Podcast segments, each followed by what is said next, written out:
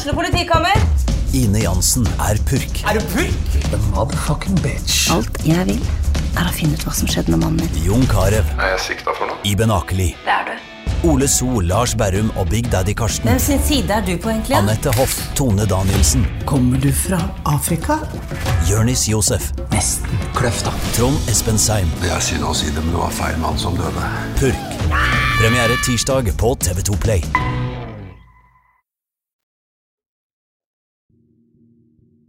Det er mandag 23. august 1993. Klokka 19.30 får politiet i Kiruna en telefon.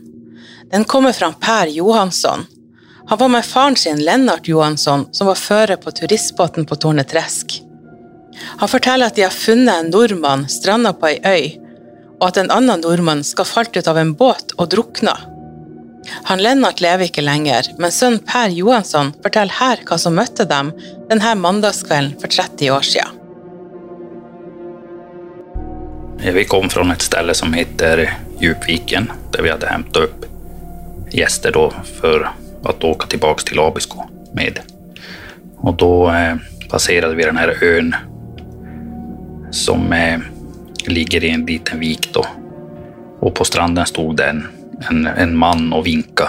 Och min far tyckte det såg så märkligt ut. Även om man brukar hälsa på varandra och så vidare. Men han vinkade på ett sånt sätt så det var som inte en hälsning. Det var liksom något mer. Han, vill, han ville någonting.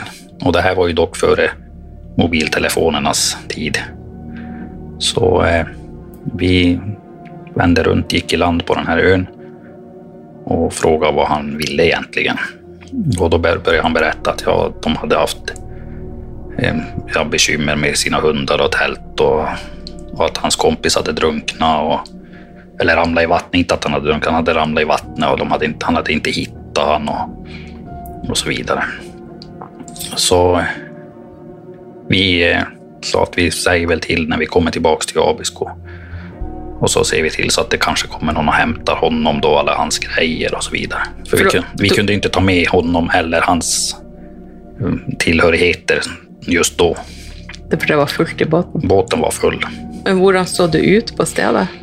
Eh, På stället fanns det en, en deras campingplats där de hade haft sitt tält. De hade typ en lavvo. Och så eh, ställningen till lavvon var kvar. Men tältduken hade brunnit. Eh, mycket av deras utrustning, sovsäckar och så vidare, det hade också brunnit. Och från början tänkte man att det är lite märkligt. Så, men vi, det kan ju ändå. Det, det är inte första tältet som brinner. Hvor lenge siden brannen hadde vært? Til, for det her var en mandag dere oppdaga ham. Det, det skulle ha varit dagen innan, typ söndag eller söndag natt eller ja, någonting sånt där. Natt til søndag. Ja, svårt. Jag kommer inte ihåg exakt när, men det, ja, det, det var ju alltså i närtid. Men vi var inte första båten som passerade. Det hade varit en båt innan, men då vinkade han också bara. Men den som båten passerade, de trodde han hälsade bara, så de körde bara vidare. Ok. Og for denne øya den ligger så langt fra land at man, hvis man ikke har båt, så kommer man seg ikke bort derfra. Nej, man simmar inte till land.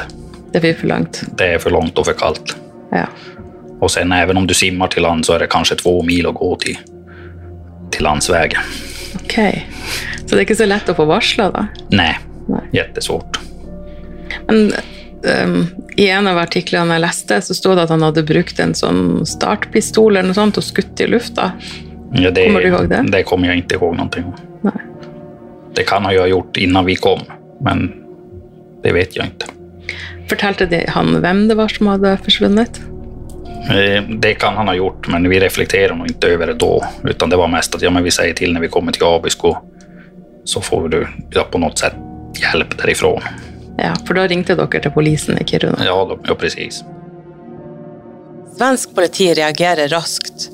De rekvirerer et helikopter, og en av de to som er med, er innsatsleder Lars Lundbekk. Han husker denne kvelden godt. Her forteller han hva som møtte dem da de kom fram til øya. Ja, jag jobbar ju som polis i Kiruna och var yttre befäl. Och eh, vi fick då ett meddelande ifrån Abisko och Lennart Johansson att det hade skett en olycka i Björkholmarna på norra delen av Torneträsk. Har du ett enkeltpersonforetak eller en liten bedrift?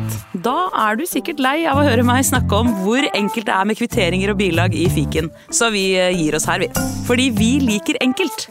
Fiken superenkelt regnskap.